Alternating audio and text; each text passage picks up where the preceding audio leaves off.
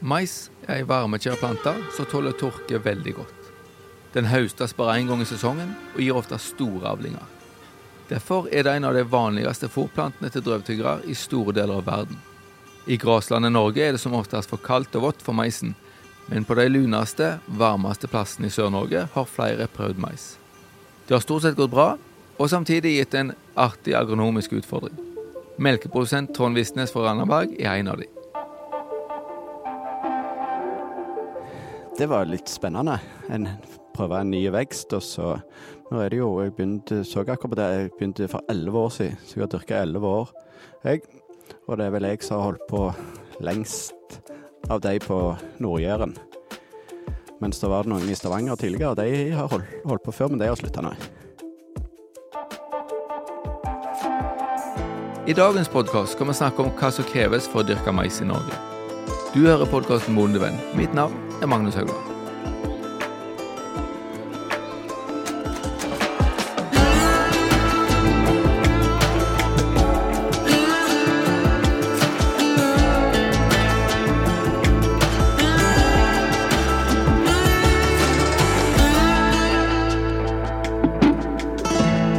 Podkasten Bondevenn blir presentert i samarbeid med Sparebank1 SR-Bank og Tveit Regnskap.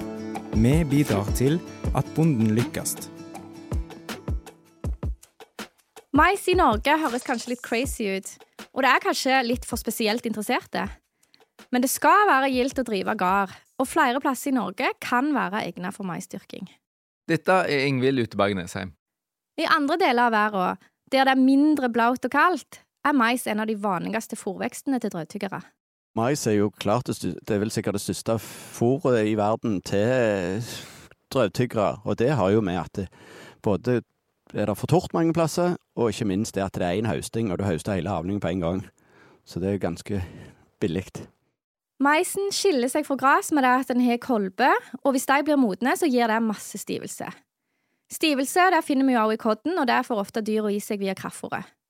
I tillegg er resten av planten veldig fiberrike, fordi den trenger masse fiber for å kunne stå oppreist og bære kolbene. Mais vil derfor kunne være et veldig godt melkefôr.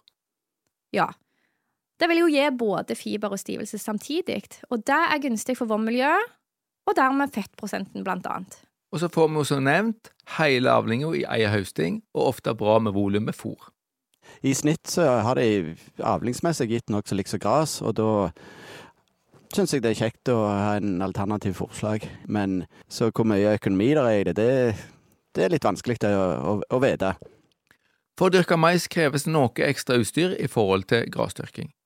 Så kostnaden kan fort bli større enn til grasdyrking, litt avhengig av hvordan en driver. Om det er økonomisk å dyrke mais, det er mest avhengig av om du får store avlinger, sånn som på gras for så vidt. Men vi går ikke inn på økonomiske vurderinger i denne episoden, for det vil variere veldig ut ifra forutsetningene om å få tak i utstyr og ha maskinsamarbeid osv. For å dyrke mais kreves noe utstyr i tillegg til det du trenger til vanlig grasdyrking. Du må jo ha en enkorns maisomaskin, og så må du kunne ha en selvgående finsnitter med maispor. Og hvis det ikke finnes i området, så er det, krever det ganske mye. Det finnes jo som mindre utstyr for å høste med en traktor i ei rad, så de bruker en del i Østerrike, men det er for det meste for fersk fôring. Og det er ikke så lett å installere, for da klarer du ikke å knuse. Det i åra så, som maisen blir moden, så klarer du ikke å knuse koddene. Så en spesialsommaskin og et skjærebord til finsnitteren det er et must. I Vestfold har en del produsenter gått i lag om å kjøpe en radrenser i tillegg, for å bekjempe ugras, noe vi skal komme tilbake til litt seinere. Men utenom det så klarer du deg med vanlig utstyr til grasproduksjon. I Rogaland så er det Trond Visnes som sår alt maisen med såmaskinen han har kjøpt. Høstinga skjer med maskinsamarbeid. Oss i Nord-Rogaland for eksempel har en entreprenør investert i et skjærebord til mais som monteres på finsnitteren, og han hauster alt maisen i området. Og så samarbeider de om innkjøringa. Og sånne haustelag det gir jo et sosialt miljø, og det virker veldig trivelig å være med på. Absolutt. Det er jo litt av motivasjonen for det hele. Å få en til et sånt samarbeid i andre områder kan det være aktuelt for flere å prøve. Det er aktuelt for alle å prøve, så har muligheten for å, få det sådd og kunne høste det. Og det er litt av utfordringene til de sørover, kan du si, mellom Jæren og Sørlandet, at det, ikke, det er litt for langt for en høster å kjøre. Og det er nok ganske mange plasser, spesielt inne i lune daler og sånne plasser med litt lette sandjord, så det hadde passet godt som et alternativ. Men så er det òg litt vanskelig, for det mest utbredte i Norge er jo rundballer. Og sånn som det er nå, så er det jo plantsilo og fin, sjølgående finsnitter altså, er et must nesten når det gjelder mais. Du kan, klart du kan jo bruke ei orkel komprimatorpress og lage rundballer, men da, da blir det fort Drar du på deg mye kostnader. Men maisen stiller jo en del krav til klima. Så det er ikke å anbefale i de mest marginale områdene. Vi har snakka med Julie Vik, som er rådgiver i NLR Viken. Hun har jobba mye med maisdyrking i Vestfold, og har satt seg grundig inn i hva som kreves for å få maisen moden. Maisen er jo en veldig varmekjær plante. Vi har jo det vi kaller maisvarmeenheter. Og her sier vi jo da at vi helst vil ha opp mot 2400 maisvarmeenheter. Og det er jo ikke alle år vi kommer dit. Men så er det jo også mm, for å lykkes, og, og, nå er det jo flere og flere som har prøvd det i litt sånn marginale strøk, og der ser vi at det er nattetemperaturen som um, det kommer veldig an på. Eh, for om de skal lykkes da i de litt mer marginale strøka. At det er områder hvor man har fort eh, kommer ned på lave nattetemperaturer, og da stopper utviklinga litt opp, og du, du, du får ikke den modne planta, da. Um, og den er jo da en sånn C4-plante, dvs. det vil si at den utnytter det En tropisk plante som utnytter det lille vannet han uh, får veldig, veldig godt. Men her er det jo ofte ikke vann det skal stå på. Men med kravet til maisen er vel en sånn 60-700 milliliter den vekstsesongen, da. Og det, det pleier jo ikke å være noe problem. Nok vann pleier ikke å være et problem her til lands. I alle fall ikke her i Rogaland. Men på Auslandet så hadde de opplevd at det kunne bli for tort, også for maisen, særlig i 2018. I den perioden hvor den eh, gjerne vil ha litt vann, da, det er noen uker før blomstring. Eh, og hvis ikke den får vann da, det så vi litt av i 2018, så mm, kan det gi en ufullstendig kjerneutvikling, da. Ufullstendig kjerneutvikling vil si at kolbene ikke utvikler seg sånn som de skal.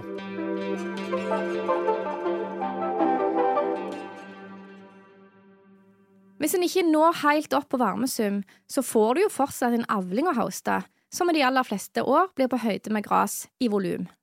Men det er ikke nok å bare ha nok varme i sum gjennom sesongen. Vi kan ikke bare se på maisvarmeenheter. Eh, man er avhengig av ehm, skifter som eh, gjerne er sørvendte eh, og har eh, en god solinnstråling. Ikke mye skygge, skyggesteder og sånne ting. Ikke kanskje i nærheten av elver hvor, kan, hvor fort, liksom, temperaturen detter fort. Da. Og varmesummen den beregnes gjerne ut ifra Nibio sine værstasjoner, og de er det langt imellom. Så lokalklimaet der du bor kan variere en god del fra nærmeste ny biostasjon. Man kunne jo regna mer på hva maisvarmenheter ut fra lokale værstasjoner, da, så det hadde jo kanskje vært interessant. Så valg av areal kan ha stor betydning for hvor godt du lykkes. Trond har prøvd litt forskjellig. Sørvendt eh, sandbakke. Men det, det, det, finnes jo sjelden, for enten er det jo sand, og da er det jo mye flatt. Eller så er det bakke, og da er det litt tyngre. Men vi ser vanvittige forskjell. Du kan ha nokså like jordtype et par hundre meter fra hverandre, der det er 100% og 20% Så jeg ble som regel anbefale nye dyrkere at de prøver først der de tror besteplassen, og så kan de heller utvide litt etter hvert. Istedenfor å gå all in og så stå uten fôr på gjerne ja, litt for stort grovfòrareal. Jordtype er viktig. Lette jordtyper er jo å foretrekke, og jordtyper som blir fort varme på våren. Maisen har jo eh, krav til åtte grader i jordtemperatur ved såing. Åtte grader i jorda det har vi ofte ikke før ut i mai, og det bør være utsikter til godt vær framover etter at maisen er sådd. Tung jord blir ofte seinere varme om våren, og den blir også lettere nedkjølt når det kommer nedbør. Vi har jo brent oss på det noen år. Man, man har vært veldig hissig på så tidlig. Og så kommer det en periode med mye nedbør som kjøler ned jorda, og jordtemperaturen faller veldig fort. Og, og, plant, og frøa bruker lang tid på spiringa, og så kan du få eh, fusarium, eh, som rett og slett gjør at det er mye som, um, som eh, råtner under oppspiring. Fusarium det er en sopp som gjør at plantene kan bli ødelagt. Så da er det bedre å vente med såing til du er sikker på at sommeren er på vei. Før såing så må det jordarbeides. Tradisjonelle jordarbeid med pløying er det beste. Og husk kalk. Maisen trives best med en pH mellom 6 og 7. Jeg vil jordarbeide som jeg ville gjort for bygg, eller korndyrking, minst mulig, men akkurat passelig. Så jordarbeider du for mye, og så ser du litt sånn som vi ser i år, at det, han mistrives der det er for kompakt. Lett jordarbeiding for å få luftig jord er altså viktig. Kan du unngå å bruke steinplukker, er det det beste, for den både pakker og pulveriserer det øverste jordlaget. Jeg husker en korndyrker som skulle beskrive til meg hvordan han tenkte når han skulle jordarbeide til bygg det var at han skulle gjøre det så lett som mulig. Han tenkte liksom at han gjorde det med helikopter. Ja, ideelt sett så skulle vi ikke kjørt med tunge traktorer etter vi har pløtt. Men selve såinga av mais, den må skje med maisåmaskin, og den må dras med en traktor. Men da er det best at den er så lett som mulig. Den sås med en radeavstand på 75 cm, som regel. I Danmark, eller jeg veit noen steder i hvert fall, så, så bruker de 50 cm også, men det det er ikke brukt her. Og det krever jo da også en såmaskin som kan plassere da frøet med 75 cm avstand eh, på 4, 4 cm. Men du kan også så dypere, og er det tørt, eh, så kan man så, så det enda dypere. Det finnes jo et hav av ulike sorter fòrmais. I Norge så må vi bruke tidlige sorter. Sortsvalg i Norge, eh, da er det viktig å tenke på på sorter som blir tidlig modne. Alle sortene har en, et FAO-tall som sier noe om tidligheten. Vi har da her i Norge ofte brukt da sorter som har FAO-tall på 150 til 200. Noen har 220 også. Og det, det sier jo da um, noe om tidligheten. Men det vi må tenke på, er at uh, vi vil da ha noen uh, tidlige sorter som uh, blir modne i områder som er bedre egnet for maisdyrking og har mye gode arealer som man kan velge mellom. Så kan man jo velge sorter med litt høyere FAO-tall, for da kan man jo også hente en større avling i tillegg til å få stivelsen. Eh, også hvis du f.eks. da Det er jo ikke så mange som har økologisk maisdyrking, men det er noen veldig flinke produsenter som lykkes godt med det. Og da er det viktig å tenke på at uh, man også kan velge sorter som breier seg litt mer utover. At ikke bladene står oppover sånn, men at de breier seg um, utover og dekker for ugraset. Så tidlige sorter som mulig i de marginale områdene, og der det er bedre egnet, så kan en hente ut en meravling ved å tørre å prøve sorter som ikke er så tidlige. Det med økologisk det var jo litt interessant, da. At de sortene som breier seg utover, de tette bæret mot ugras. Og det kan jo være en god ting òg i konvensjonelle drift, der det er problemer med ugras, og en gjerne ikke har en radrenser tilgjengelig. Så jeg pleier å si alltid mye å lære av de som driver økologisk. Ja, du var ikke ironisk nå for de som var usikre? Nei, jeg var ikke det, men jeg har mye å lære av de. Ja. Fordelen med mais er jo at du kan dyrke den år etter år på samme plassen, så sant du klarer å holde ugras i sjakk. Men det blir jo en utfordring, spesielt sånn år som i år. Når maisen ikke vil vokse, så kommer jo ugraset, og ugraset ligger så mye bedre med 12-13 grader temperatur enn hva maisen vil, og da er det jo en kjempeutfordring. Ugras er et stort tema i maisdyrkinga. Ugraskampen i fòrmaisdyrking er det viktigste for å lykkes, eh, vil jeg påstå. Eh, fordi mais, maisplanta er veldig sensitiv for konkurranse tidlig. Eh, og ofte her så bruker den jo lang tid på å For vi har jo Det er jo litt kjølig her på våren, og da bruker jo den planta litt lengre tid til å komme opp, og dekker jo veldig dårlig sjøl. Så jeg vil påstå at det er der veldig mange også mislykkes litt, da, på at de kanskje er for seint ute med, med ugraskampen. og, og må ta det ugraset på et eh, tidlig stadie. Og følge med på hva som, som kommer av ugress. Og vi ser jo det at eh, at der hvor maisplantene sliter, er det ofte områder hvor eh, man ikke har klart å bekjempe ugresset. Det er Trond òg enig i. Ja, den er jo alfa og mega, for hvis vi ikke får kant med ugraset, så, så blir det jo ingenting. Og sånn som i år, så er det mest mulig å holde ugraset vekke. Men sånn som i de gode åra, 2014, 18, 20 og 21, så er det mye enklere, for da kommer maisen litt godt i gang fra start. Og så eh, konkurrerer den ut ugraset. Men maisen konkurrerer jo ikke vekk ugraset før han dekker, og da er han jo nesten en meter høy. Ugraskampen må altså begynne tidlig. De fleste gjør tiltak allerede før maisen spirer. Så det å være Det er en kjempefordel hvis man klarer å, å blindharve f.eks. før uh, maisen spirer. For den bruker jo en stund på å komme seg over jordoverflata. Og det å kunne da blindharve én til to ganger er jo veldig gunstig. Det er jo også noen som um, sprøyter med glyfosat før oppspiring. Og det er også veldig mange som lykkes med det, men det er mange som klarer det uten å, å sprøyte før oppspiring også.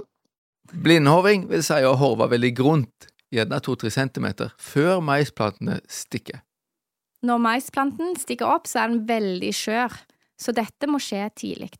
Effekten av blindhorving er at den river opp en del nyspirt ugras. Og noe blir nedmåla. Etter spiring er det viktig å være tidlig ute med sprøyting.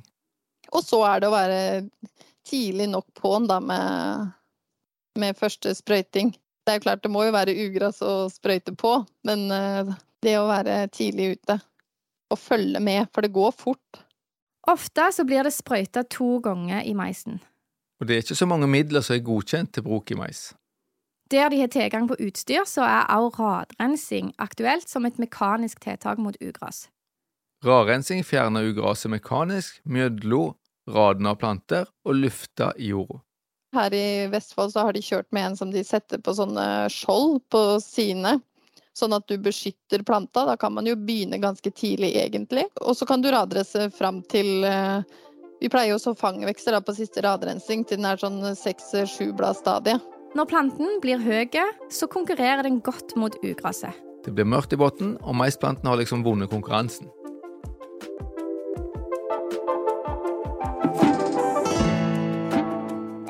Denne episoden er sponsa av Felleskjøpet Rogaland Agder.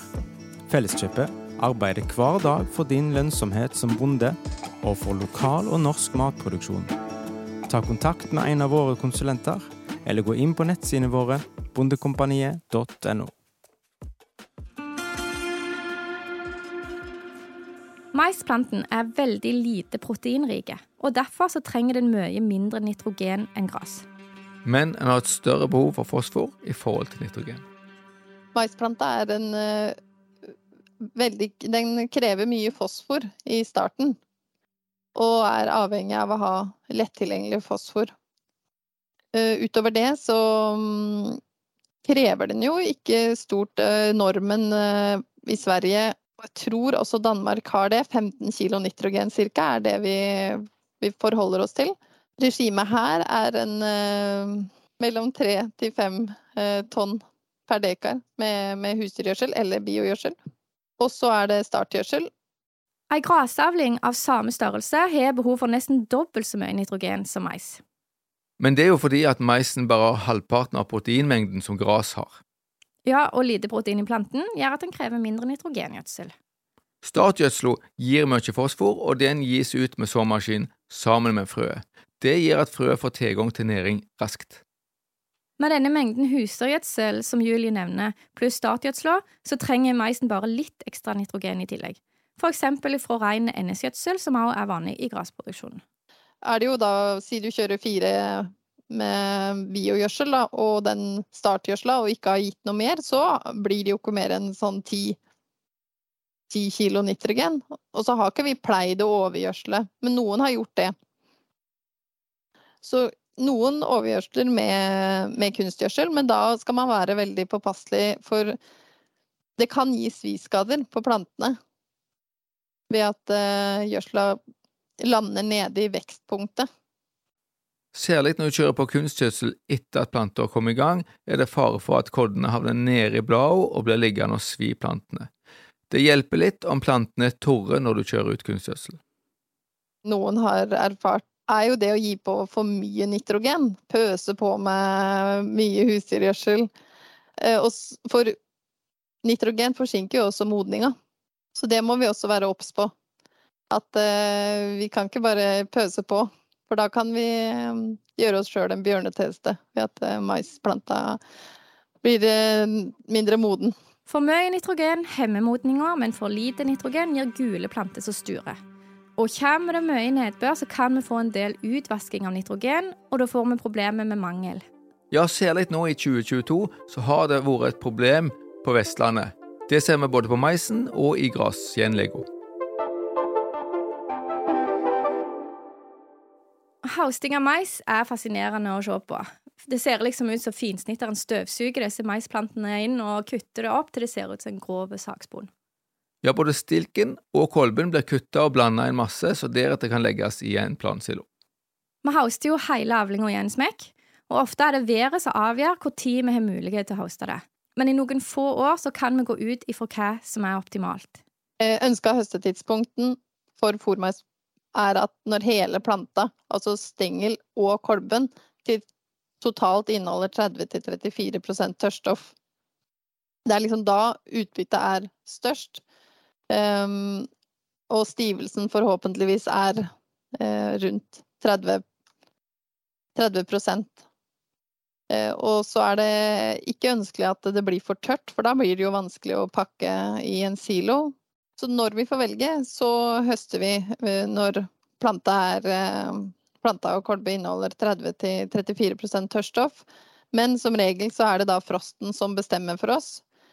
Um, Faller temperaturen under fire minus, så er det bare å få høsta det med en gang.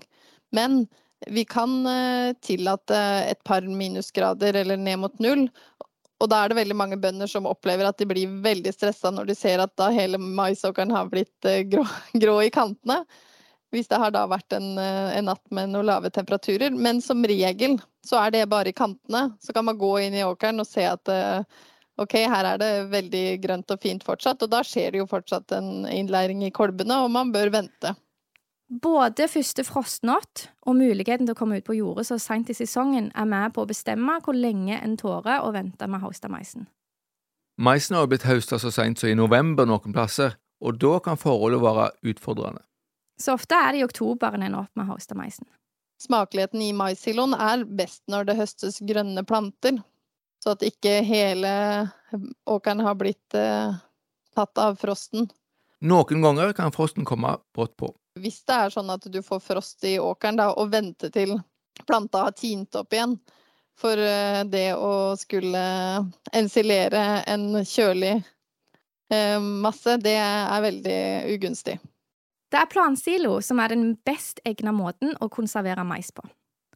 Som det ble nevnt her litt tidligere, så går det an å bruke ei orkelkomprimatorpresse og lage romballer, men det er mindre utbredt. Hvis meisen blir opp i 30% tørrstoff, er den vanskeligere å pakke enn om du ikke klarer å få den helt moden. Da er det veldig viktig med god trakking i siloen. Tynne lag og tungt utstyr til å pakke med. Vi har det jo strengt tatt lettere enn i utlandet, for den blir jo sjelden helt moden her hos oss. Og da er det jo mye lettere å pakke. Enn, så det går veldig greit. For han er veldig lett å, å jamne på, i og med at han er mer som Minner jo litt om grov spon. Og da er det jo mye lettere å jamne han, men det krever jo mer at du pakker hele veien. For at du ikke skal få luftlomme. Valg av ensileringsmiddel det vil være avhengig av hvor tørr og moden du får meisen. Eh, min politikk med ensilering det er grunnen at eh, sånn som i år, når meisen ikke blir moden, så bruker du tilsvarende gras altså Kofasil LP vil jeg bruke i år når den ikke blir. Og så er det et eget eh, ensileringsmiddel hvis at han blir moden. Og blir han skikkelig moden, så kan du nok uh, unngå ensileringsmiddel òg. Men det er jo en forsikring til alt annet. Dess torere maisen er, dess mer fokus er det på å forhindre varmgang, og vi må derfor velge ensileringsmiddel ut ifra det. Fordelen med mais er jo at plantene høstes direkte, du er ikke avhengig av tørking som på gress. Så du vet før du høster sånn cirka hva tørrstoff du kommer til å ende opp med. Endelig en episode der vi ikke skal mase om fortørking. Jippi! Hvordan maisen fungerer som fôr, avhenger av om du får den moden eller ikke. Det er stor forskjell i kvalitet på mais som har utvikla kolber, og i år der vi ikke får den fram til modning. Ja, eh, på fordøyeligheten så, så, er det jo noen som klarer å komme opp på, på OMD-en på 77-78 i, i, gode år, og en eh, høy fòrenhetskonsentrasjon. Eh, men om vi skal forvente det, det det er mange år hvor ikke man er der. Eh, og så er det jo den stivelsen vi er opptatt av, da. Å, få høsta stivelse rundt 30 eh, OMD er, for de som ikke har hørt på fòranalyseepisoden vår, fordøyelighet. Fordøyeligheten forteller hvor mye av fôret dyret klarer å fordøye, altså bryte ned og gjøre seg nytte av i kroppen. Moden mais kan ha ganske høy fordøyelighet, og dermed òg høyt innhold av energi. Får du maisen moden, har den like mye energi som tidlig slått gress. Men forskjellen er at du da har mye stivelse. Og stivelse det kjøper vi normalt via kraftfôret, og er veldig energirikt. Og når vi klarer å hauste stivelse på denne måten, så kan vi ofte spare noe på kraftfôret.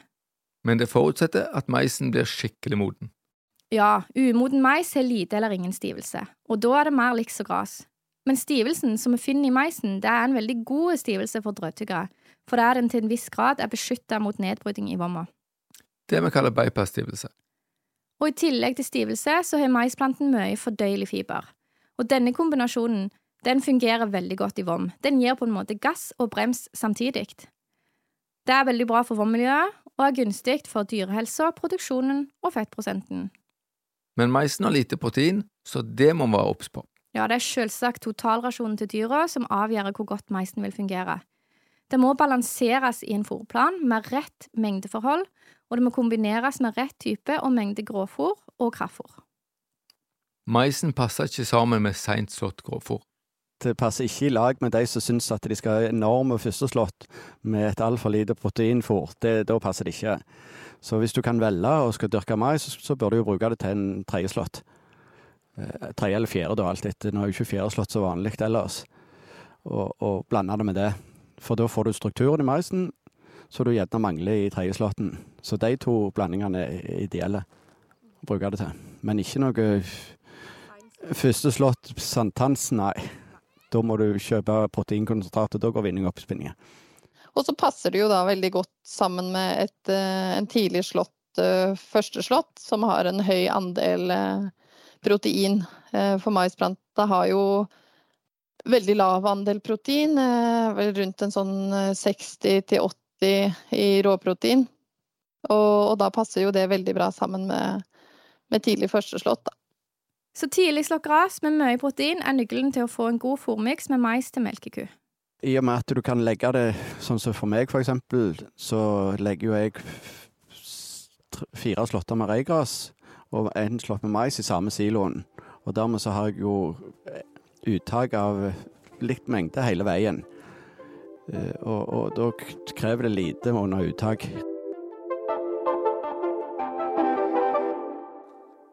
Ting som Julie er veldig opptatt av maisdyrking, det er fangvekster. Fangvekster skal jo bidra til å fange opp overskuddsnitrogen fra hovedplanta, men også binde jord og hindre erosjon. Eh, og nå i senere tid har jo fangveksten også fått veldig mye fokus fordi den er eh, eh, jord... Bra, bra, tiltak for å fremme god jordhelse. Og i Når vi dyrker fòrmeis, så er det jo veldig mye bar, svart jord. Det er jo klart da liksom 75 cm mellom hver rad, og det er mye svart jord. Og der er det plass til mye ugras, for vi slutter jo bekjempinga når når planta har seks-sju blader. Og da er det jo fortsatt uh, tidlig i sesongen. Da er vi jo i ja, slutten av juni som regel. Det er mye tid for ugras å fortsette å spire og, og, kose seg der, selv om det blir dårlig forhold og mørkt i bånn der. Fangvekster kan være ulike sorter gras. Det er viktig at gresset ikke er så hissig at det konkurrerer med maisen på samme måte som ugraset. I Danmark har de prøvd strandsvingel fordi den etablerer seg seint og dermed konkurrerer mindre med maisen. Men òg reigras og andre grasarter har blitt prøvd ut. Fangveksten sås gjerne på siste radrensing når maisen er på 6-7 bladsstadiet, men brukes det strandsvingel, så må denne sås tidligere for å klare å etablere seg. Med tanke på at vi ikke alltid kan bestemme høstetidspunktet, så, og vi veit at det er mye nedbør om høsten, så er det ofte ugunstig kjøreforhold. Og da et viktig argument for fangvekster i fòrmais er jo da at du får jo en bedre kjørematte, rett og slett. Det binder jo mer på jorda, og jorda drenerer jo også bedre når det er eh, planter der. Det er ikke alle år vi får maisen moden, og her på Sør-Vestlandet blir det noen uår for maisen. Vi kan jo ta år i år, 2022, som et eksempel. På deler av Haugalandet er maisen fortsatt i knehøyde når vi spiller inn denne episoden 17. august.